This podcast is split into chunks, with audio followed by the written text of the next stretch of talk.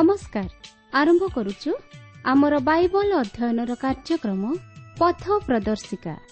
ପବିତ୍ର ବାଇବଲ କହେ ଯଦି ଆମ୍ଭେମାନେ ଆପଣା ଆପଣା ପାପ ସ୍ୱୀକାର କରୁ ତେବେ ସେ ଆମ୍ଭମାନଙ୍କର ପାପ କ୍ଷମା କରିବାକୁ ଓ ସମସ୍ତ ଅଧର୍ମରୁ ଆମ୍ଭମାନଙ୍କୁ ପରିଷ୍କାର କରିବାକୁ ବିଶ୍ୱସ୍ତ ଓ ନ୍ୟାୟବାନ ଅଟନ୍ତି। ଆସନ୍ତୁ ସେହି ଉଦ୍ଧାରକର୍ତ୍ତାଙ୍କର ପରିଚୟ ପାଇବା ନିମନ୍ତେ ଶୁଣିବା ବେତାର କାର୍ଯ୍ୟକ୍ରମ ପଥ ପ୍ରଦର୍ଶିକା।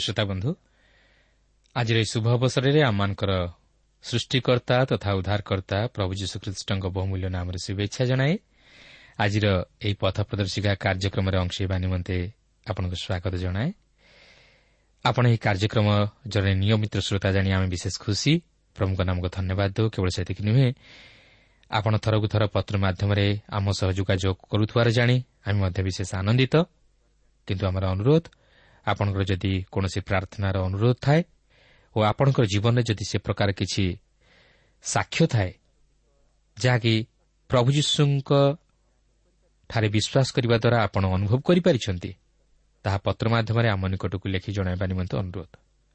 ଆସନ୍ତୁ ପ୍ରଭୁଙ୍କର ବାକ୍ୟ ମଧ୍ୟକୁ ଯିବା ପୂର୍ବରୁ ସଂକ୍ଷେପରେ ପ୍ରାର୍ଥନା କରିବା। ପବିତ୍ର ପ୍ରଭୁ ଧନ୍ୟବାଦ କରୁଅଛି ସୁନ୍ଦର ସମୟ ପାଇଁ ତୁମର ଜୀବନ୍ତ ବାକ୍ୟ ପାଇଁ। ପ୍ରଭୁ ତୁମର ବାକ୍ୟ ମଧ୍ୟ ଦେଇ ତୁମେ ଆମମାନଙ୍କ ସହିତ କଥା କୁହ। ପ୍ରତ୍ୟେକ ଶ୍ରୋତାବନ୍ଧୁମାନଙ୍କ ହୃଦୟରେ ତୁମେ କଥା କୁହ। ପ୍ରତ୍ୟେକଙ୍କର ସମସ୍ୟା ତୁମେ ସମାଧାନ କର। ପ୍ରତ୍ୟେକଙ୍କର ସହିତ ପରମେଶ୍ୱର ତୁମେ ହୁଅ। ତୁମର ବାକ୍ୟ ମଧ୍ୟ ଦେଇ ପ୍ରଭୁ ତୁମେ ପ୍ରତ୍ୟେକଙ୍କୁ ଶାନ୍ତି ସାନ୍ତ୍ୱନା ଦିଅ। ଯୀଶୁଙ୍କ ନାମରେ ମାଗୁଅଛୁ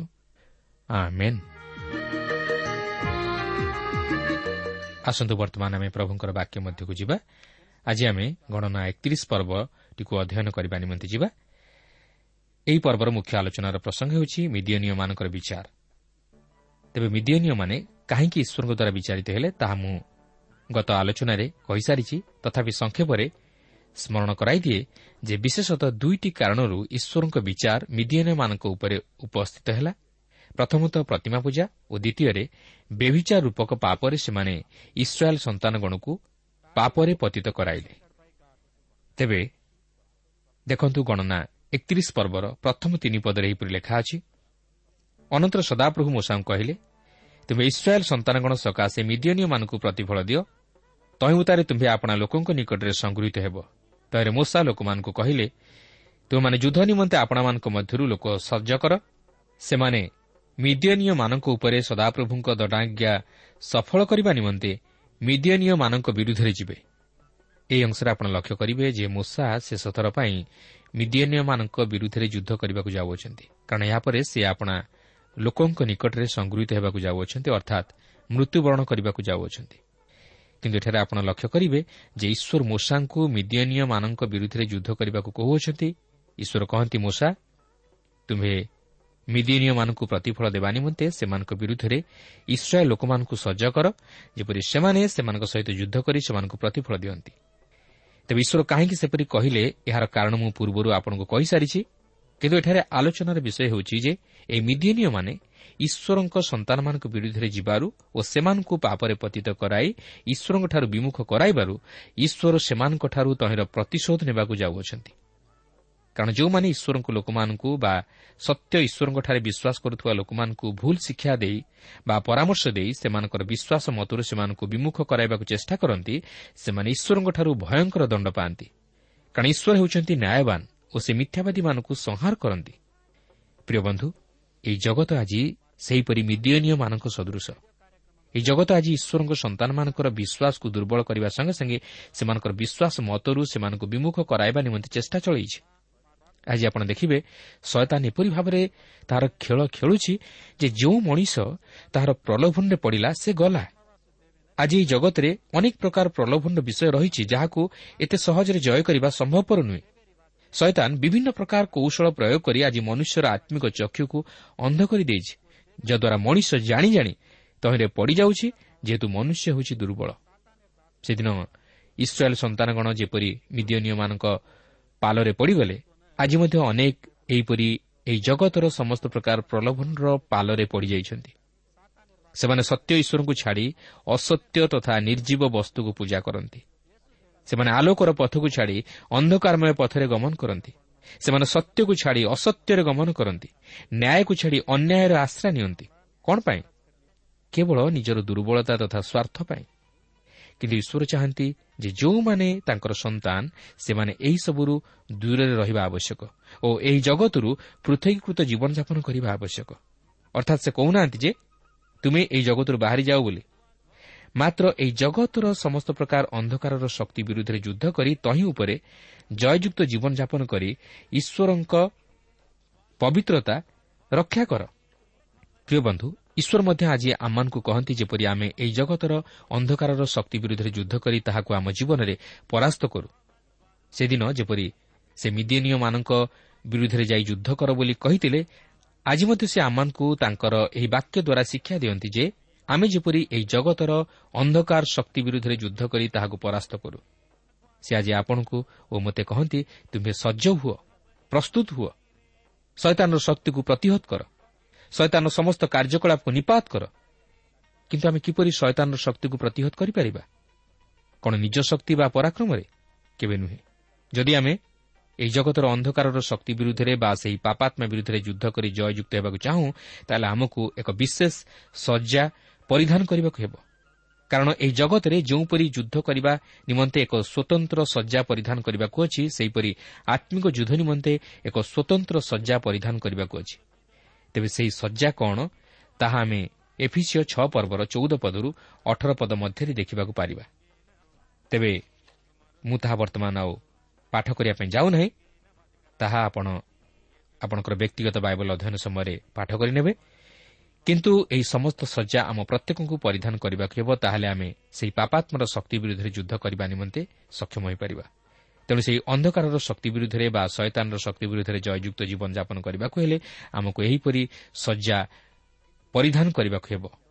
କିନ୍ତୁ ଏହି ଶଯ୍ୟା ପରିଧାନ କରିବାକୁ ହେଲେ ଆମକୁ ପ୍ରଭୁ ଯୀଶୁଖ୍ରୀଷ୍ଟଙ୍କଠାରେ ବିଶ୍ୱାସ କରି ଓ ତାହାଙ୍କଠାରେ ନିଜର ପାପ ସବୁ ସ୍ୱୀକାର କରି ପାପରୁ ଉଦ୍ଧାର ପାଇବାକୁ ହେବ ଓ ତାହାଙ୍କ ଧାର୍ମିକତା ଦ୍ୱାରା ଧାର୍ମିକ ଗଣିତ ହେବାକୁ ହେବ ଓ ତାହାଙ୍କୁ ନିଜ ହୃଦୟରେ ଗ୍ରହଣ କରି ତାହାଙ୍କ ବଳରେ ବଳିଆହନ ହୋଇ ଯୁଦ୍ଧ କରିବାକୁ ହେବ। ଓ ତାହାଙ୍କ ବାକ୍ୟକୁ ନିଜ ହୃଦୟରେ ଗ୍ରହଣ କରି ସେହି ବାକ୍ୟ ଅନୁଯାୟୀ ଜୀବନଯାପନ କରିବାକୁ ହେବ। ତାହେଲେ ଆମେ ସେହି ଶୈତାନର ଶକ୍ତି ବିରୁଦ୍ଧରେ ଓ ତାହାର ସମସ୍ତ ଚାତୁରାଇ ବିରୁଦ୍ଧରେ ଦଣ୍ଡାୟମାନ ହୋଇପାରିବା ଓ ଶୈତାନ ଉପରେ ଜୟଯୁକ୍ତ ଜୀବନ କାଟିପାରିବା।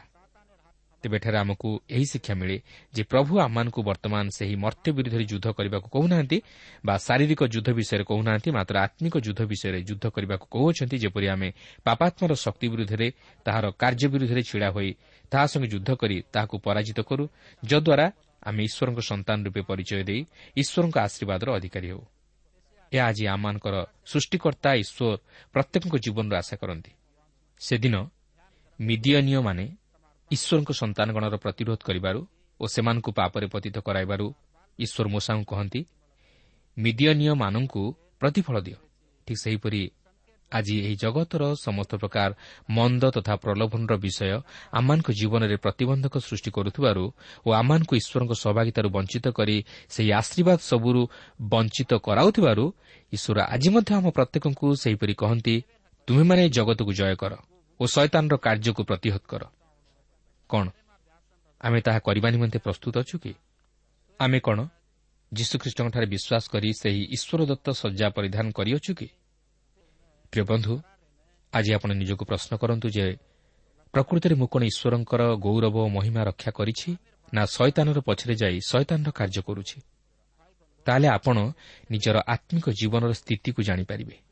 କାରଣ ପବିତ୍ର ଶାସ୍ତ୍ର ବାଇବଲ କହେ ମନୁଷ୍ୟ ଯେବେ ସମଗ୍ର ଜଗତ ଲାଭ କରି ଆପଣା ଜୀବନ ହରାଏ ତହିଁରେ ତାହାର କି ଲାଭ ହେବ? ପ୍ରିୟ ବନ୍ଧୁ ଏହି ଜଗତର ବିଷୟ ଜଗତରେ ହିଁ ପଡ଼ି ରହିବ। ମାତ୍ର ଆପଣ ଈଶ୍ୱରଙ୍କ ନିମନ୍ତେ ଯାହା କରିଥିବେ ତାହା ହିଁ ଆପଣଙ୍କ ସହିତ ଯିବ। ଆସନ୍ତୁ ଏହାପରେ ଆମର ମୁଖ୍ୟ ଆଲୋଚନାର ପ୍ରସଙ୍ଗ ଉପରକୁ ଫେରିଯିବା ଯେଉଁଠାରେ କି ମୋସା ଈଶ୍ୱରଙ୍କ ଆଜ୍ଞା ଅନୁଯାୟୀ ମିଦିୟନୀୟମାନଙ୍କ ବିରୁଦ୍ଧରେ ଯାଇ ଯୁଦ୍ଧ କରିବା ପାଇଁ ଇସ୍ରାଏଲ୍ ମଧ୍ୟରୁ ଲୋକ ମନୋନୀତ କରୁଅଛନ୍ତି। ଯାହାକି ଆମେ ଗଣନା ପୁସ୍ତକ ଏକତିରିଶ ପର୍ବର ଚାରିପଦରୁ ଛଅ ପଦ ମଧ୍ୟରେ ଲକ୍ଷ୍ୟ କରିବାକୁ ପାରିବା। ଏହି ଅବସରରେ ଆପଣ ଲକ୍ଷ୍ୟ କରିବେ ଯେ ଈଶ୍ୱର ମୂଷାଙ୍କୁ ଯେ ରୂପ ଆଜ୍ଞା ଦେଉଛନ୍ତି ମୂଷା ମଧ୍ୟ ତଦ୍ରୂପ ଈଶ୍ୱରଙ୍କ ଆଜ୍ଞା ଅନୁଯାୟୀ ମିଦିୟନୀୟମାନଙ୍କ ବିରୁଦ୍ଧରେ ଯାଇ ଯୁଦ୍ଧ କରିବା ପାଇଁ ତାଙ୍କର ଇସ୍ରାଏଲ୍ ସନ୍ତାନଗଣ ମଧ୍ୟରୁ ଲୋକ ସଜ୍ଜ କରି ଯୁଦ୍ଧ କରିବାକୁ ପଠାଉଛନ୍ତି। ମୂଷା ଇସ୍ରାଏଲ୍ର ପ୍ରତ୍ୟେକ ଗୋଷ୍ଠୀରୁ ସହସ୍ର ସହସ୍ର କରି ଏହିପରି ବାର ସହସ୍ର ଲୋକଙ୍କୁ ଯୁଦ୍ଧ ନିମନ୍ତେ ପଠାଉଛନ୍ତି। ଚିନ୍ତା କରନ୍ତୁ ଯେ ଯେଉଁଠାରେ ବାର ହଜାର ଲୋକ ଯାଇ ଯୁଦ୍ଧ କରୁଅଛନ୍ତି ତାହା କେଡ଼େ ଭୟଙ୍କର ଯୁଦ୍ଧ ନ ହୋଇଥିବ। କିନ୍ତୁ ଏଠାରେ ଗୋଟିଏ ବିଷୟ ଆପଣ ଲକ୍ଷ୍ୟ କରିବେ ଯେ ସେଥି ସଙ୍ଗେ ସେମାନଙ୍କ ସହିତ ମଧ୍ୟ ସମାଗମ ତମ୍ବୁର ପବିତ୍ର ସ୍ଥାନର ପାତ୍ର ଓ ରଣତୁରୀ ମଧ୍ୟ ପଠାଯାଇଥିଲା ଯାହାକି ଏକ ଆତ୍ମିକ ଯୁଦ୍ଧର ନିଦର୍ଶନ ଥିଲା। ଅର୍ଥାତ୍ ସେମାନେ ଯେ କେବଳ ଶାରୀରିକ ଭାବରେ ଯୁଦ୍ଧ କରିବେ ତାହା ନୁହେଁ ମାତ୍ର ଆତ୍ମିକ ଭାବରେ ମଧ୍ୟ ଯୁଦ୍ଧ କରି ଈଶ୍ୱରଙ୍କ ପବିତ୍ରତା ରକ୍ଷା କରିବାକୁ ଥିଲା। କାରଣ ଆପଣ ଜାଣିଥିବେ ଯେ ଏହି ମିଦିୟନୀୟମାନେ ଇସ୍ରାଏଲ୍ ସନ୍ତାନଗଣକୁ ପ୍ରତିମା ପୂଜା ଓ ବ୍ୟଭିଚାର ରୂପକ ପାପରେ ପତିତ କରାଇଥିଲେ। ତେଣୁ ଇସ୍ରାଏଲ୍ ସନ୍ତାନଗଣ ପୁନର୍ବାର ଯେପରି ସେମାନଙ୍କ ଫାନ୍ଦରେ ନ ପଡ଼ନ୍ତି ଓ ଈଶ୍ୱରଙ୍କର ଅସନ୍ତୋଷଜନକ କାର୍ଯ୍ୟ ନ କରନ୍ତି ଏଥିନିମନ୍ତେ ସେହି ପବିତ୍ରତା ରକ୍ଷା କରିବା ନେଇ ସେମାନଙ୍କୁ ଏହି ସମସ୍ତ ପବିତ୍ର ପାତ୍ର ସକଳ ମାଧ୍ୟମରେ ସ୍କରଣ କରାଇ ଦିଅନ୍ତି ଯେପରି ସେମାନେ ଈଶ୍ୱରଙ୍କ ପବିତ୍ରତା ରକ୍ଷା କରନ୍ତି ଓ ସେହି ରଣତୁରୀ ଯେପରି ଯୁଦ୍ଧ କରିବା ନିମନ୍ତେ ସେମାନଙ୍କୁ ସତର୍କ କରାଇ ଦେଉଥିଲା ସେହିପରି ଆତ୍ମିକ ଯୁଦ୍ଧ ନିମନ୍ତେ ମଧ୍ୟ ସେମାନଙ୍କୁ ସତର୍କ କରାଇ ଦେଉଥିଲା। ଯେପରି ସେମାନେ ମିଦିୟନୀୟମାନଙ୍କ ଚକ୍ରାନ୍ତ ବିରୁଦ୍ଧରେ ଦଣ୍ଡାୟମାନ ହୋଇ ଯୁଦ୍ଧ କରିବା ନିମନ୍ତେ ସକ୍ଷମ ହୋଇପାରନ୍ତି। କାରଣ ଏହି ଯୁଦ୍ଧ ଯଦିଓ ଇସ୍ରାଏଲ୍ ଲୋକମାନଙ୍କୁ କରିବାକୁ ଥିଲା ମାତ୍ର ତାହା ଈଶ୍ୱରଙ୍କ ଆଡ଼ୁ ଘଟିଥିଲା ଓ ଈଶ୍ୱର ତହିଁରେ ସେମାନଙ୍କୁ ବିଜୟ ପ୍ରଦାନ କରିଥିଲେ। ସେମାନେ ନିଜ ଇଚ୍ଛାରେ ବା ଶକ୍ତି ଅବା ପରାକ୍ରମରେ ଯୁଦ୍ଧ କରିବାକୁ ଯାଇନଥିଲେ ମାତ୍ର ଈଶ୍ୱରଙ୍କର ଶକ୍ତିରେ। ଯେହେତୁ ସେହି ପବିତ୍ର ବସ୍ତୁ ସକଳ ସେମାନଙ୍କ ସହିତରେ ଯିବା ଦ୍ୱାରା ଈଶ୍ୱର ମଧ୍ୟ ସେମାନଙ୍କ ସହିତରେ ଥିଲେ ଓ ସେମାନଙ୍କ ପକ୍ଷରେ ରହି ଯୁଦ୍ଧ କରୁଥିଲେ। ତେଣୁକରି ଆମେ ଏହାର ପରବର୍ତ୍ତୀ ଅଂଶରେ ଦେଖିବାକୁ ପାରିବା ଯେ ଇସ୍ରାଏଲ୍ ଲୋକମାନେ ବିଜୟୀ ହେଲେ। କିନ୍ତୁ ଆମକୁ ଏହି ଶିକ୍ଷା ମିଳେ ଯେ ଯେପର୍ଯ୍ୟନ୍ତ ପ୍ରଭୁ ଯୀଶୁ ଆମ ସହିତ ନାହାନ୍ତି ସେ ପର୍ଯ୍ୟନ୍ତ ଆମେ ନିଜ ଶକ୍ତି ବା ବଳରେ ଶୟତାନକୁ ପରାଜିତ କରିପାରିବା ନାହିଁ। ଆମମାନଙ୍କ ଜୀବନରେ ଯଦି ସେହି ପବିତ୍ରତା ନାହିଁ ତାହେଲେ ଈଶ୍ୱରଙ୍କ ଶକ୍ତି ଆମ ଅନ୍ତରରେ କାର୍ଯ୍ୟ ସାଧନ କରିପାରିବ ନାହିଁ। ଯଦି ଆମେ ପ୍ରକୃତରେ ଶୟତାନର ପରୀକ୍ଷା ପ୍ରଲୋଭନ ଉପରେ ଜୟଯୁକ୍ତ ଜୀବନଯାପନ କରିବାକୁ ଚାହୁଁ ଓ ପାପାତ୍ମକ ଜୟ କରିବାକୁ ଚାହୁଁ ତାହେଲେ ପ୍ରଥମେ ନିଜର ହୃଦୟକୁ ସୂଚୀ ତଥା ପବିତ୍ର ରଖିବାକୁ ହେବ। କିନ୍ତୁ ଏହି ପବିତ୍ରତା ରକ୍ଷା କରିବାକୁ ହେଲେ ଆମକୁ ପ୍ରଭୁ ଯୀଶୁଖ୍ରୀଷ୍ଟଙ୍କଠାରେ ବିଶ୍ୱାସ କରିବାକୁ ହେବ ଓ ତାହାଙ୍କର ସେହି ପବିତ୍ର ରକ୍ତ ଦ୍ୱାରା ଧୌତ ପରିଷ୍କୃତ ହୋଇ ତାହାଙ୍କୁ ନିଜ ହୃଦୟରେ ଉଦ୍ଧାରକର୍ତ୍ତା ରୂପେ ଗ୍ରହଣ କଲେ। ସେ ଆମମାନଙ୍କୁ ପବିତ୍ର କରି ଗଣନା କରିବେ ଓ ଶୈତାନର ସମସ୍ତ ଶକ୍ତି ଉପରେ ଜୟଯୁକ୍ତ ଜୀବନ କାଟିବାକୁ ଶକ୍ତି ଦେବେ। ତେଣୁ ଆସୁ ନିଜର ହୃଦୟକୁ ଈଶ୍ୱରଙ୍କ ନିମନ୍ତେ ପବିତ୍ର କରି ପ୍ରଭୁ ଯୀଶୁଙ୍କୁ ନିଜ ହୃଦୟରେ ଉଦ୍ଧାରକର୍ତ୍ତା ରୂପେ ଗ୍ରହଣ କରି ତାହାଙ୍କ ଶକ୍ତିରେ ପରିପୂର୍ଣ୍ଣ ହୋଇ ଶୟତାନ ବିରୁଦ୍ଧରେ ଯୁଦ୍ଧ କରୁ ଓ ଶୟତାନକୁ ପରାଜିତ କରି ଈଶ୍ୱରଙ୍କ ଗୌରବ ଓ ମହିମା ରକ୍ଷା କରି ତାହାଙ୍କ ଆଶୀର୍ବାଦର ଅଧିକାରୀ ହେଉ ଓ ଈଶ୍ୱରଙ୍କ ସନ୍ତାନତ୍ୱର ଅଧିକାର ପ୍ରାପ୍ତ ହେଉ। ବର୍ତ୍ତମାନ ଆମେ ଦେଖିବାକୁ ପାରିବା ଯେ ଇସ୍ରାଏଲ୍ ସନ୍ତାନଗଣ ମିଦିୟନୀୟମାନଙ୍କ ସହିତ ଯୁଦ୍ଧ କରୁଅଛନ୍ତି। ଦେଖନ୍ତୁ ସେମାନେ ବର୍ତ୍ତମାନ କିପରି ଯୁଦ୍ଧ କରୁଅଛନ୍ତି। ଗଣନା ପୁସ୍ତକ ଏକତିରିଶ ପର୍ବର ସାତ ଓ ଆଠ ପଦରେ ଲେଖା ଅଛି ତେଣୁ ସେମାନେ ମୂଷା ପ୍ରତି ସଦାପ୍ରଭୁଙ୍କ ଆଜ୍ଞା ଅନୁସାରେ ମିଦିୟନୀୟମାନଙ୍କ ବିରୁଦ୍ଧରେ ଯୁଦ୍ଧ କଲେ ପୁଣି ସେମାନେ ପ୍ରତ୍ୟେକ ପୁରୁଷକୁ ବଦ୍ଧ କଲେ ଆଉ ଅନ୍ୟାନ୍ୟ ହତ ଲୋକଙ୍କ ସହିତ ସେମାନେ ମିଦିୟନୀୟ ରାଜାମାନଙ୍କୁ ଅର୍ଥାତ୍ ଇବି ଓ ରେକମ୍ ଓ ସୁର୍ ଓ ହୁର୍ ଓ ରେବା ଏହି ମିଦିୟନୀୟ ପାଞ୍ଚ ରାଜାଙ୍କୁ ବଧ କଲେ ବିଓରର ପୁତ୍ର ବିଲିୟମ୍ଙ୍କୁ ମଧ୍ୟ ସେମାନେ ଖଡ଼ଗରେ ବଧ କଲେ। ଦେଖନ୍ତୁ ଇସ୍ରାଏଲ୍ ଲୋକମାନେ ମିଦିୟନୀୟମାନଙ୍କୁ କିଭଳି ଭାବରେ ପରାସ୍ତ କରୁଅଛନ୍ତି। ସେମାନେ ମିଦିୟନୀୟ ପାଞ୍ଚ ରାଜାଙ୍କୁ ବଧ କରୁଅଛନ୍ତି ଓ ପ୍ରତ୍ୟେକ ପୁରୁଷକୁ ମଧ୍ୟ ବଧ କରୁଅଛନ୍ତି। କେବଳ ସେତିକି ନୁହେଁ ଏଥିସହିତ ମଧ୍ୟ ସେମାନେ ବିୟରର ପୁତ୍ର ବିଲିୟମଙ୍କୁ ମଧ୍ୟ ବଧ କରୁଅଛନ୍ତି। ଜାଣିପାରୁଛନ୍ତି ଏହି ବିଲିୟମ କିଏ? ଏ ହେଉଛନ୍ତି ସେହି ବିଲିୟମ ଯିଏକି ବାଲାକର କଥାରେ ପଡ଼ି ଇସ୍ରାଏଲ୍ ଲୋକମାନଙ୍କ ଉପରେ ଅଭିଶାପର ଭାବବାଣୀ ବର୍ତ୍ତାଇବାକୁ ଯାଇଥିଲେ। ମାତ୍ର ଈଶ୍ୱର ତାହା ଇସ୍ରାଏଲ୍ ସନ୍ତାନଗଣ ପ୍ରତି ଅଭିଶାପର ବଦଳେ ଆଶୀର୍ବାଦରେ ପରିଣତ କରିଥିଲେ।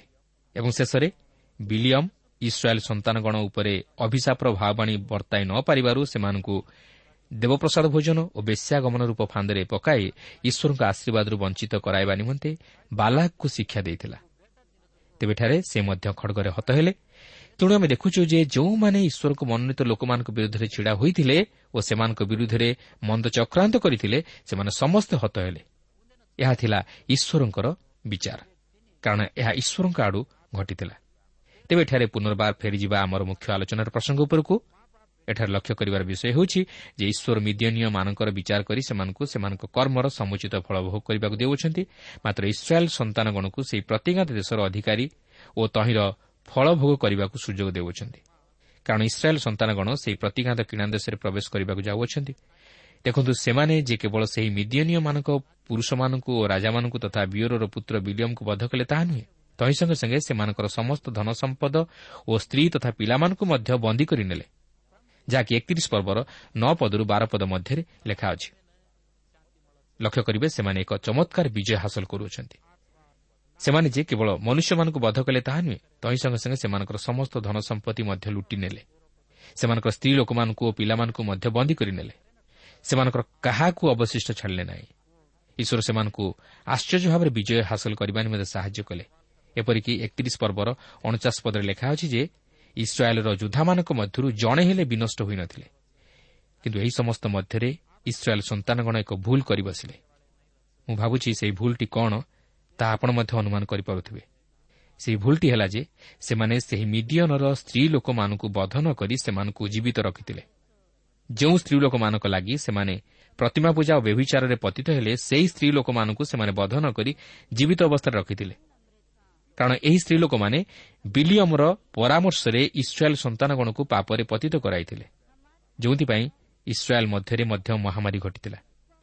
ତଥାପି ଇସ୍ରାଏଲ୍ ସନ୍ତାନଗଣ ତାହା ଜାଣି ମଧ୍ୟ ମିଡିୟନୀୟ ସ୍ତ୍ରୀ ଲୋକମାନଙ୍କୁ ବଧ ନ କରି ଜୀବିତ ରଖୁଅଛନ୍ତି। କାରଣ ଏହା ହିଁ ହେଉଛି ମନୁଷ୍ୟର ଦୁର୍ବଳତା। ତେବେ ଆସନ୍ତୁ ଦେଖିବା ଯେ ଏହାପରେ ଇସ୍ରାଏଲ୍ ମଧ୍ୟରେ କି ପ୍ରକାର ପ୍ରତିକ୍ରିୟା ସୃଷ୍ଟି ହେଲା। ଦେଖନ୍ତୁ ସେହି ଏକତିରିଶ ପର୍ବର ତେର ପଦରୁ ଷୋହଳ ପଦ ମଧ୍ୟରେ ଲେଖା ଅଛି ଥରେ ମୂଷା ଓ ଇଲିଆସର ଯାଜକ ଓ ମଣ୍ଡଳୀର ଅଧ୍ୟକ୍ଷଗଣ ସେମାନଙ୍କୁ ଭେଟିବାକୁ ଛାଉଣିର ବାହାରକୁ ଗଲେ। ତେତେବେଳେ ମୂଷା ଯୁଦ୍ଧକ୍ଷେତ୍ରରୁ ଆଗତ ସେନାପତିମାନଙ୍କ ପ୍ରତି ଅର୍ଥାତ୍ ସହସ୍ରପତି ଓ ଶତପତିମାନଙ୍କ ପ୍ରତି କ୍ରୋଧ କଲେ। ଆଉ ମୂଷା ସେମାନଙ୍କୁ କହିଲେ ତୁମେମାନେ କି ସମସ୍ତ ସ୍ତ୍ରୀ ଲୋକଙ୍କୁ ଜୀବିତ ରଖିଅଛ? ଦେଖ ଏମାନେ ବିଲିୟମର ପରାମର୍ଶରେ ପିଓର ଦେବତା ବିଷୟରେ ଇସ୍ରାଏଲ୍ ସନ୍ତାନଗଣକୁ ସଦାପ୍ରଭୁଙ୍କ ବିରୁଦ୍ଧରେ ସତ୍ୟ ଲଙ୍ଘନ କରାଇଲେ। ତହିଁ ନିମନ୍ତେ ସଦାପ୍ରଭୁଙ୍କ ମଣ୍ଡଳୀ ମଧ୍ୟରେ ମହାମାରୀ ହେଲା।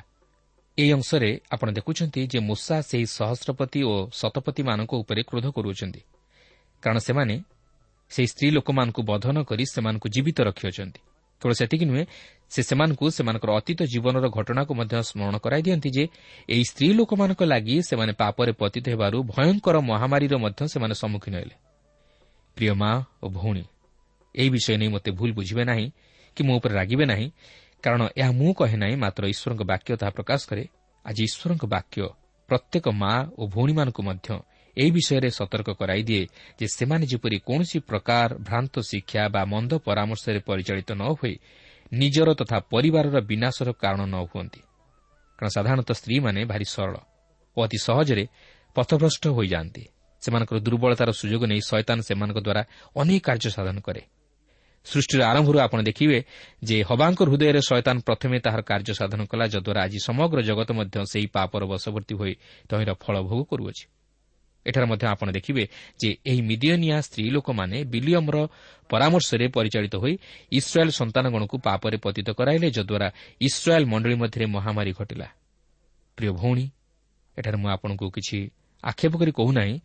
ଆପଣଙ୍କ କ୍ଷେତ୍ରରେ ତାହା ହୁଏତ ସେ ପ୍ରକାର ଘଟି ନପାରେ କିନ୍ତୁ ସାଧାରଣତଃ ଏହି ପ୍ରକାର ସରଳତା ତଥା ଦୁର୍ବଳତାର ସୁଯୋଗ ନେଇ ଶୟତାନ ତାହାର କାର୍ଯ୍ୟ ସାଧନ କରେ ତେଣୁକରି ଆଜି ଏହା ଆମ ପ୍ରତ୍ୟେକଙ୍କ ନିମନ୍ତେ ଏକ ସତର୍କ ବାଣୀ ଯେ ଆମେ ଯେପରି ଶୟତାନଙ୍କୁ ଆମ ହୃଦୟରେ ତାହାର କାର୍ଯ୍ୟ ସାଧନ କରିବା ନିମନ୍ତେ ସୁଯୋଗ ନ ଦେଉ। ତେଣୁ ପ୍ରିୟ ଭାଇ ଓ ଭଉଣୀ ନିଜ ଜୀବନକୁ ପ୍ରଶ୍ନ କରନ୍ତୁ ଯେ ମୋ ଜୀବନ କ'ଣ ସେହିପରି ପ୍ରତିମା ପୂଜା ତଥା ବ୍ୟଭିଚାରରେ ଆସକ୍ତ ଅଛି କି? ମୁଁ କ'ଣ ଏପର୍ଯ୍ୟନ୍ତ ସେହିପରି ବ୍ୟଭିଚାର ମଧ୍ୟରେ ଜୀବନ ଅତିବାହିତ କରୁଛି କି? ଯଦି ନାହିଁ ତାହେଲେ ଅତି ଉତ୍ତମ କଥା। ମାତ୍ର ଯଦି ସେହିପରି ଜୀବନ କାଟି ଈଶ୍ୱରଙ୍କଠାରୁ ଦୂରବର୍ତ୍ତୀ ଜୀବନଯାପନ କରୁଅଛନ୍ତି ତାହେଲେ ସେହି ବିନାଶ ଉପସ୍ଥିତ ହେବା ପୂର୍ବରୁ ନିଜକୁ ସୁଧରାନ୍ତୁ ଓ ପ୍ରଭୁ ଯୀଶୁଙ୍କଠାରେ ନିଜର ପାପ ସ୍ୱୀକାର କରି ଅନୁତାପ ସହିତ କ୍ଷମା ମାଗନ୍ତୁ। ତାହେଲେ ଆପଣ ନିଜକୁ ରକ୍ଷା କରିବା ସଙ୍ଗେ ସଙ୍ଗେ ନିଜର ପରିବାରକୁ ତଥା ଅନ୍ୟର ଜୀବନକୁ ମଧ୍ୟ ବିନାଶରୁ ରକ୍ଷା କରିପାରିବେ।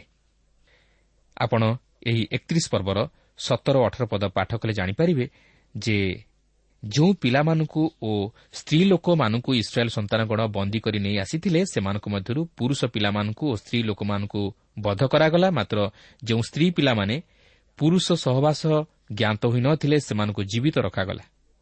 କାରଣ ଈଶ୍ୱର ଚାହାନ୍ତି ପବିତ୍ରତା। ତାଙ୍କ ନିକଟରେ କୌଣସି ଅପବିତ୍ର ବିଷୟ ସ୍ଥାନ ପାଏ ନାହିଁ। ଆପଣ ହୁଏତ ଭାବିପାରନ୍ତି ଯେ ଏ ପ୍ରକାର କରିବା ଉଚିତ ନଥିଲା। ଏହା ଏକ ନିଷ୍ଠୁର କାର୍ଯ୍ୟ ବୋଲି ଆପଣ କହିପାରନ୍ତି। ବା ଏକ ଅମାନୁଷିକ କାର୍ଯ୍ୟ ବୋଲି ମଧ୍ୟ ଆପଣ କହିପାରନ୍ତି କିନ୍ତୁ ଏହା ଥିଲା ଈଶ୍ୱରଙ୍କର ବିଚାର। କାରଣ ସେ ଚାହିଁନଥିଲେ ଯେ ଏହିପରି ଲୋକମାନଙ୍କୁ ଇସ୍ରାଏଲ୍ ସନ୍ତାନଗଣ ସେମାନଙ୍କ ମଣ୍ଡଳୀ ମଧ୍ୟରେ ସ୍ଥାନ ଦେଇ ପୁନର୍ବାର ପାପରେ ପତିତ ହୁଅନ୍ତୁ ବୋଲି। କିନ୍ତୁ ବର୍ତ୍ତମାନ ହୁଏତ ସେପରି ଘଟୁନାହିଁ କାରଣ ଈଶ୍ୱର ଏହି ଅନୁଗ୍ରହର ଯୁଗରେ ଅନୁଗ୍ରହ କରି ପ୍ରତ୍ୟେକଙ୍କୁ ସୁଯୋଗ ଦିଅନ୍ତି ନିଜ ନିଜ ପାପରୁ ଫେରି ତାଙ୍କର ନିକଟବର୍ତ୍ତୀ ହେବା ପାଇଁ। ତେଣୁ ସେଥିପାଇଁ ସେ ଆପଣାର ପ୍ରିୟ ପୁତ୍ର ପ୍ରଭୁ ଯୀଶୁଖ୍ରୀଷ୍ଟଙ୍କୁ ଏହି ଜଗତକୁ ପଠାଇ ସେହି ଉଦ୍ଧାରର ଯୋଜନା ପ୍ରସ୍ତୁତ କଲେ। ଯେପରି ସମଗ୍ର ମାନବ ଜାତି ପାପରେ ବି ନଷ୍ଟ ନ ହୋଇ ପ୍ରଭୁ ଯୀଶୁଖ୍ରୀଷ୍ଟଙ୍କଠାରେ ବିଶ୍ୱାସ କରି ତହିଁରୁ ଉଦ୍ଧାର ପାଆନ୍ତି। କିନ୍ତୁ ଏହି ଏକତିରିଶ ପର୍ବରେ ବିଶେଷ କରି ଆମର ଆତ୍ମିକ ଜୀବନ ନିମନ୍ତେ ଏହି ଶିକ୍ଷା ମିଳେ ଯେ ଆମେ ଯେପରି ଏହି ଜଗତରୁ ପୃଥକ ରହି ଈଶ୍ୱରଙ୍କ ନିମନ୍ତେ ପବିତ୍ର ଜୀବନଯାପନ କରୁ। ଏହାର ଅର୍ଥ ନୁହେଁ ଯେ ଆମେ ଏହି ଜଗତରୁ ବାହାରିଯିବା ବା କୌଣସି ଅରଣ୍ୟରେ ବସି ଜପ କରିବା ବା ତପସ୍ୟା କରିବା। ମାତ୍ର ଏହି ଜଗତକୁ ବା ଏହି ଜଗତର ସମସ୍ତ ପ୍ରକାର ମନ୍ଦ ଅଭିଳାଷ ତଥା ପ୍ରଲୋଭନର ବିଷୟବସ୍ତୁକୁ ବା ଏହି ଜଗତର ଜାଗତିକତାକୁ ନିଜର ହୃଦୟରେ ସ୍ଥାନ ନ ଦେଇ ପ୍ରଭୁଙ୍କ ବାକ୍ୟକୁ ନିଜ ହୃଦୟରେ ସ୍ଥାନ ଦେଇ ତାଙ୍କର ଅଭିମତକୁ ସଫଳ କରିବା। ଅଥବା ଯଦି ଏହି ପ୍ରସଙ୍ଗକୁ ନେଇ ଚିନ୍ତା କରାଯାଏ ତାହେଲେ ସେହି ପ୍ରତିମା ପୂଜା ଓ ବ୍ୟଭିଚାରରୁ ଦୂରରେ ରହିବା ନିମନ୍ତେ ଈଶ୍ୱର ତାଙ୍କର ବାକ୍ୟ ଦ୍ୱାରା ଆଜି ମଧ୍ୟ ଆମକୁ ସତର୍କ କରାଇ ଦିଅନ୍ତି। ଦେଖନ୍ତୁ ଏକତିରିଶ ପର୍ବର ଉଣେଇଶ ଓ କୋଡ଼ିଏ ପଦରେ ଲେଖା ଅଛି ଆଉ ତୁମେମାନେ ସାତ ଦିନ ଛାଉଣିର ବାହାରେ ଛାଉଣି ସ୍ଥାପନ କରିବ ତୁମେମାନେ ଯେତେ ଲୋକ ମନୁଷ୍ୟ ହତ୍ୟା କରିଅଛ ଓ ହତ ଲୋକଙ୍କୁ ସ୍ପର୍ଶ କରିଅଛ ସମସ୍ତେ ତୃତୀୟ ଦିନରେ ଓ ସପ୍ତମ ଦିନରେ ଆପଣାମାନଙ୍କୁ ଓ ଆପଣା ଆପଣା ବନ୍ଦୀମାନଙ୍କୁ ପାପରୁ ପରିଷ୍କାର କର। ପୁଣି ଯାବତୀୟ ବସ୍ତୁ ଓ ଚର୍ମ ନିର୍ମିତ ଯାବତୀୟ ବସ୍ତୁ ଓ ଛାଗଲମ ନିର୍ମିତ ଯାବତୀୟ ବସ୍ତୁ ଓ କାଷ୍ଠ ନିର୍ମିତ ଯାବତୀୟ ବସ୍ତୁ ସମ୍ବନ୍ଧରେ ତୁମେମାନେ ଆପଣାମାନଙ୍କୁ ପାପରୁ ପରିଷ୍କାର କରିବ ଈଶ୍ୱର ଏଠାରେ ସେହି ଇସ୍ରାଏଲ୍ ସନ୍ତାନଗଣର ଓ ସେମାନଙ୍କ ଦ୍ୱାରା ବନ୍ଦୀ କରାଯାଇ ଅଣାଯାଇଥିବା ମିଦିୟନୀୟମାନଙ୍କର ପବିତ୍ରତା ଉପରେ ଗୁରୁତ୍ୱ ଦେଇ ନିଜ ନିଜକୁ ପାପରୁ ପରିଷ୍କାର କରିବା ନିମନ୍ତେ ମୋଷାଙ୍କ ଦ୍ୱାରା ଆଜ୍ଞା ଦିଅନ୍ତି। କାରଣ ଈଶ୍ୱର ଯଦିଓ ପାପିକୁ ପ୍ରେମ କରନ୍ତି ମାତ୍ର ସେ ପାପକୁ ଘୃଣା କରନ୍ତି। ତାଙ୍କ ନିକଟରେ କୌଣସି ଅପବିତ୍ର ବିଷୟ ସ୍ଥାନ ପାଏ ନାହିଁ। କାରଣ ଈଶ୍ୱର ହେଉଛନ୍ତି ପବିତ୍ର। ଆପଣ ଦେଖନ୍ତୁ କେବଳ ସେହି ମନୁଷ୍ୟମାନଙ୍କୁ ପାପରୁ ଯେ ପରିଷ୍କୃତ ହେବା ନିମନ୍ତେ ଈଶ୍ୱର ଆଜ୍ଞା ଦିଅନ୍ତି ତାହା ନୁହେଁ। ସେଥିସହିତ ସେମାନେ ଆଣିଥିବା ସମସ୍ତ ଲୁଟିତ ଦ୍ରବ୍ୟକୁ ମଧ୍ୟ ପରିଷ୍କାର କରି ପବିତ୍ର କରିବା ନିମନ୍ତେ ସେ ଆଜ୍ଞା ଦିଅନ୍ତି ଯାହାକି ଏକତିରିଶ ପର୍ବର ବାଇଶରୁ ଚବିଶ ପଦ ମଧ୍ୟରେ ଆମେ ଲକ୍ଷ୍ୟ କରିବାକୁ ପାରୁ। ତେବେ ଈଶ୍ୱର ଏ ପ୍ରକାର କରିବାର ଉଦ୍ଦେଶ୍ୟ ହେଉଛି ହୋଇପାରେ ସେହି ସମସ୍ତ ଦ୍ରବ୍ୟ ମିଦିନୀୟମାନେ ପ୍ରତିମା ସମ୍ମୁଖରେ ଉଚ୍ଚର କରିଥିବେ କିମ୍ବା ସେହିସବୁ ଅପବିତ୍ର କାର୍ଯ୍ୟ ନିମନ୍ତେ ବ୍ୟବହାର କରିଥିବେ। ସେଥିପାଇଁ ସେହି ସମସ୍ତ ଦ୍ରବ୍ୟ ମଧ୍ୟ ପରିଷ୍କୃତ ହେବାକୁ ଥିଲା। ତହିଁଭୂତରେ ସେମାନେ ଛାଉଣି ମଧ୍ୟରେ ପ୍ରବେଶ କରିବାକୁ ଥିଲା ଏହା ଥିଲା ମୂଷାଙ୍କ ଦ୍ୱାରା ଇସ୍ରାଏଲ୍ ସନ୍ତାନଗଣ ପ୍ରତି ସଦାପ୍ରଭୁଙ୍କର ଆଜ୍ଞା। କାରଣ ଈଶ୍ୱର ହେଉଛନ୍ତି ପବିତ୍ର ଓ ସେ ଚାହାନ୍ତି ତାଙ୍କର ସନ୍ତାନମାନେ ମଧ୍ୟ ପବିତ୍ର ଭାବରେ ଆଚରଣ କରନ୍ତୁ ଓ ପବିତ୍ରତା ରକ୍ଷା କରନ୍ତୁ। ତାହେଲେ ସେ ସେମାନଙ୍କ ସହିତ ରହିବେ ଓ ସେମାନେ ସେହି ସହଭାଗିତା ମଧ୍ୟରେ ପ୍ରବେଶ କରିପାରିବେ। ଆସନ୍ତୁ ଏହାପରେ ସେହି ସମସ୍ତ ଲୁଟିତ ଦ୍ରବ୍ୟ ପଶୁ ଓ ବନ୍ଦୀ ମନୁଷ୍ୟମାନଙ୍କୁ କିପରି ବ୍ୟବହାର କରାଗଲା ତାହା ଆମେ ଏହି ଗଣନା ପୁସ୍ତକ ଏକତିରିଶ ପର୍ବର ପଚିଶ ପଦରୁ ଚଉବନ ପଦ ମଧ୍ୟରେ ଦେଖିବା। ତେବେ ଏହି ଅଂଶକୁ ଆମେ ସମ୍ପୂର୍ଣ୍ଣ ରୂପେ ପାଠ କରିବା ନାହିଁ କିନ୍ତୁ ଏହାର କେତେକ ମୁଖ୍ୟ ଅଂଶ ଉପରେ ଆମେ ଦୃଷ୍ଟିପାତ କରିବା। ପ୍ରଥମେ ଆମେ ଦେଖିବା ଯେ ସେମାନେ ଯେଉଁ ସମସ୍ତ ଲୁଟିତ ଜୀବଗଣକୁ ଆଣିଥିଲେ ଅର୍ଥାତ୍ ବନ୍ଦୀ ମନୁଷ୍ୟ ଓ ପଶୁ ଯାହା ସବୁ ଯୁଦ୍ଧକୁ ଯାଇଥିବା ନିପୁଣ ଯୋଦ୍ଧାମାନଙ୍କର ଓ ସମସ୍ତ ମଣ୍ଡଳୀର ମଧ୍ୟରେ ବିଭାଗ କଲେ ଯାହାକି ଆମେ ସତେଇଶ ପଦରେ ଲେଖାଯାଇଥିବାର ଲକ୍ଷ୍ୟ କରୁଅଛୁ ସେମାନେ ସେହି ସମସ୍ତ ପ୍ରାଣୀମାନଙ୍କୁ ଅଧା ଅଧା ଭାଗ କରିନେଲେ। କିନ୍ତୁ ଅଠେଇଶ ପଦରୁ ସତଚାଳିଶ ପଦ ମଧ୍ୟରେ ଆମେ ଦେଖୁଛୁ ଯେ ସେମାନେ ପ୍ରତ୍ୟେକ ସଦାପ୍ରଭୁଙ୍କ ଆଜ୍ଞା ଅନୁସାରେ ତହିଁରୁ କର ସ୍ୱରୂପେ ଈଶ୍ୱରଙ୍କ ଉଦ୍ଦେଶ୍ୟରେ ଉଚ୍ଚର କଲେ। ଯୋଦ୍ଧାମାନଙ୍କ ନିମନ୍ତେ ଲୁଟିତ ପ୍ରାଣୀମାନଙ୍କ ମଧ୍ୟରୁ ପ୍ରତି ପାଞ୍ଚଶହରୁ ଗୋଟିଏ ଜୀବ ଈଶ୍ୱରଙ୍କ ଉଦ୍ଦେଶ୍ୟରେ ଓ ଇସ୍ରାଏଲ୍ ସନ୍ତାନଗଣ ନିମନ୍ତେ ଲୁଟିତ ପ୍ରାଣୀମାନଙ୍କ ମଧ୍ୟରୁ ପ୍ରତି ପଚାଶରୁ ଗୋଟିଏ ଲେଖାଏଁ ଜୀବ ଈଶ୍ୱରଙ୍କ ଆବାସର ରକ୍ଷଣୀୟ ରକ୍ଷକ ଲେବିୟମାନଙ୍କୁ ଦେବାକୁ ଥିଲା। ଏଥିସହିତ ଆପଣ ଦେଖିବେ ଯେ ପଚାଶରୁ ଚଉବନ ପଦ ମଧ୍ୟରେ ଲେଖା ଅଛି ଯେଉଁ ସହସ୍ରପତି ଓ ଶତପତିମାନେ ସମସ୍ତ ଲୁଟିତ ସ୍ୱର୍ଣ୍ଣ ଅଳଙ୍କାର ଆଣିଥିଲେ ତହିଁରୁ ମଧ୍ୟ ସେମାନେ ଈଶ୍ୱରଙ୍କ ଉଦ୍ଦେଶ୍ୟରେ ଧନ୍ୟବାଦାର୍ଥକ ଉପହାର ସ୍ୱରୂପେ ଉତ୍ସର କରିଥିଲେ କାରଣ ଯୁଦ୍ଧରେ ସେମାନେ କୌଣସି ଯୋଦ୍ଧାକୁ ସେମାନଙ୍କ ମଧ୍ୟରୁ ହରାଇ ନ ଥିବାରୁ ସେମାନେ ଈଶ୍ୱରଙ୍କର ସେହି ଆଶ୍ଚର୍ଯ୍ୟ କର୍ମକୁ ସ୍ମରଣ କରି ତାହାଙ୍କ ଉଦ୍ଦେଶ୍ୟରେ ଉତ୍ସର କରିଥିଲେ। ଓ ସେମାନେ ଯେପରି ସେହି ଲୁଟିତ ଦ୍ରବ୍ୟ ଗ୍ରହଣ କରିଥିବାର ଅପରାଧ ବହନ ନ କରନ୍ତି ଏଥିନିମନ୍ତେ ତହିଁରୁ ଈଶ୍ୱରଙ୍କ ଉଦ୍ଦେଶ୍ୟରେ ଉତ୍ସର କରି ପ୍ରାୟଶ୍ଚିତ କରିଥିଲେ। ତେବେ ଏହି ଅଂଶରେ ଆମେ ତିନୋଟି ବିଷୟ ଲକ୍ଷ୍ୟ କରୁଅଛୁ। ପ୍ରଥମତଃ ସେମାନଙ୍କ ମଧ୍ୟରେ ଏକତା ଦ୍ୱିତୀୟରେ ପରସ୍କର ପ୍ରତି ସାହାଯ୍ୟର ମନୋବୃତ୍ତି ଓ ତୃତୀୟରେ ଈଶ୍ୱରଙ୍କ ପ୍ରତି କର୍ତ୍ତବ୍ୟ। ଈଶ୍ୱର ସେମାନଙ୍କୁ ଏହିପରି ଭାବେ ସମସ୍ତ ଲୁଟିତ ପ୍ରାଣୀ ତଥା ଦ୍ରବ୍ୟକୁ ଭାଗ କରିବା ପାଇଁ କହିଥିଲେ ଓ ତାହାଙ୍କ ଉଦ୍ଦେଶ୍ୟରେ ଉତ୍ସର କରିବା ପାଇଁ କହିଥିଲେ ଯେପରି ସେମାନେ ସ୍ୱାର୍ଥବାଦୀ ନ ହୋଇ ପରସ୍କର ମଧ୍ୟରେ ଏକତା ତଥା ସାହାଯ୍ୟ ସହାନୁଭୂତି ରକ୍ଷା କରନ୍ତି ଓ ଈଶ୍ୱରଙ୍କ ପ୍ରତି ମଧ୍ୟ କର୍ତ୍ତବ୍ୟ କରନ୍ତି ଓ ତାହାଙ୍କ ସେବକମାନଙ୍କର ମଧ୍ୟ ଆବଶ୍ୟକତାକୁ ପୂରଣ କରନ୍ତି। ତେଣୁ ପ୍ରିୟ ବନ୍ଧୁ ଈଶ୍ୱର ତାଙ୍କର ଏହି ବାକ୍ୟ ଦ୍ୱାରା ଆଜି ମଧ୍ୟ ଆମକୁ ଶିକ୍ଷା ଦିଅନ୍ତି ଯେ ଆମେ ଯେପରି ଅନ୍ୟକୁ ସାହାଯ୍ୟ କରୁ ଓ ଈଶ୍ୱରଙ୍କ ସେବା ଉଦ୍ଦେଶ୍ୟରେ ତଥା ତାହାଙ୍କ ସେବକମାନଙ୍କ ଉଦ୍ଦେଶ୍ୟରେ କିଛି ଉଚ୍ଚର କରୁ। ଆଜି ଈଶ୍ୱର ଯଦି ଆପଣଙ୍କୁ ଜଗତର ଧନରେ ଧନମାନ କରିଛନ୍ତି ତାହେଲେ ସେହି ଧନକୁ କେବଳ ପ୍ରେମ କରି ନିଜ ନିମନ୍ତେ ସାହିତ୍ୟ ରଖନ୍ତୁ ନାହିଁ ମାତ୍ର ଅନ୍ୟର ସାହାଯ୍ୟ ନିମନ୍ତେ ଈଶ୍ୱରଙ୍କ ରାଜ୍ୟ ନିମନ୍ତେ ଦାନ କରନ୍ତୁ। ତାହେଲେ ତାହା ଆହୁରି ନୂତନ ଆଶୀର୍ବାଦରେ ପୁରୀ ଉଠିବ ଓ ଆପଣ ମଧ୍ୟ ଈଶ୍ୱରଙ୍କ ଆଶୀର୍ବାଦର ଅଧିକାରୀ ହୋଇପାରିବେ। ପ୍ରଭୁ ପ୍ରତ୍ୟେକଙ୍କୁ ଆଶୀର୍ବାଦ କରନ୍ତୁ।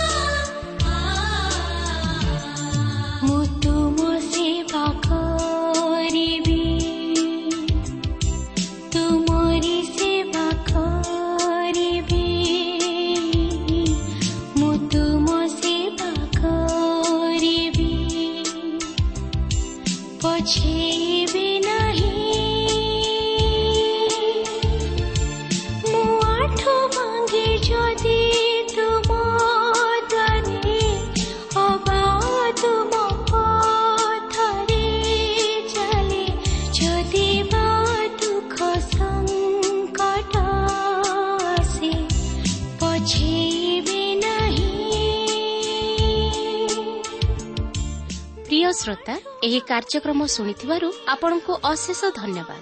ଏହି କାର୍ଯ୍ୟକ୍ରମ ଆପଣଙ୍କୁ କିପରି ଲାଗିଲା ଓ କେଉଁ ବିଷୟଟି ଆପଣଙ୍କ ହୃଦୟକୁ ଅଧିକ ସ୍ପର୍ଶ କରିଛି ତାହା ଲେଖି ଜଣାଇଲେ ଆମେ ବିଶେଷ ଉପକୃତ ହେବୁ। ଯଦି କିଛି ପ୍ରଶ୍ନ ବା ସନ୍ଦେହ ଥାଏ ତାହା ପତ୍ର ମାଧ୍ୟମରେ ଅଥବା ଟେଲିଫୋନ୍ ଯୋଗେ ଆମକୁ ଜଣାନ୍ତୁ। ଆମର ଠିକଣା ପଥ ପ୍ରଦର୍ଶିକା Trans World Radio India post box number ତିନି ତିନି ଭୁବନେଶ୍ୱର ସାତ ପାଞ୍ଚ ଏକ ଶୂନ ଶୂନ ଏକ। ଟେଲିଫୋନ୍ ନମ୍ବର ଶୂନ ଛଅ ସାତ ଚାରି ଦୁଇ ତିନି ଶୂନ ଶୂନ ତିନି ତିନି ପାଞ୍ଚ ଠିକଣାଟି ଆଉଥରେ ଶୁଣନ୍ତୁ ପଥ ପ୍ରଦର୍ଶିକା Trans World Radio India post box number three three Bhubaneswar seven five one zero zero one telephone number zero six seven four two three zero zero three three five ଆମର ଇମେଲ୍ ଆଡ୍ରେସ୍ଟି ଲେଖି ରଖନ୍ତୁ Odia TTV at radio eight eight two dot com ତେବେ ଆଜି ପାଇଁ ଏଠାରେ ରଖୁଛୁ। ନମସ୍କାର। ପଛେ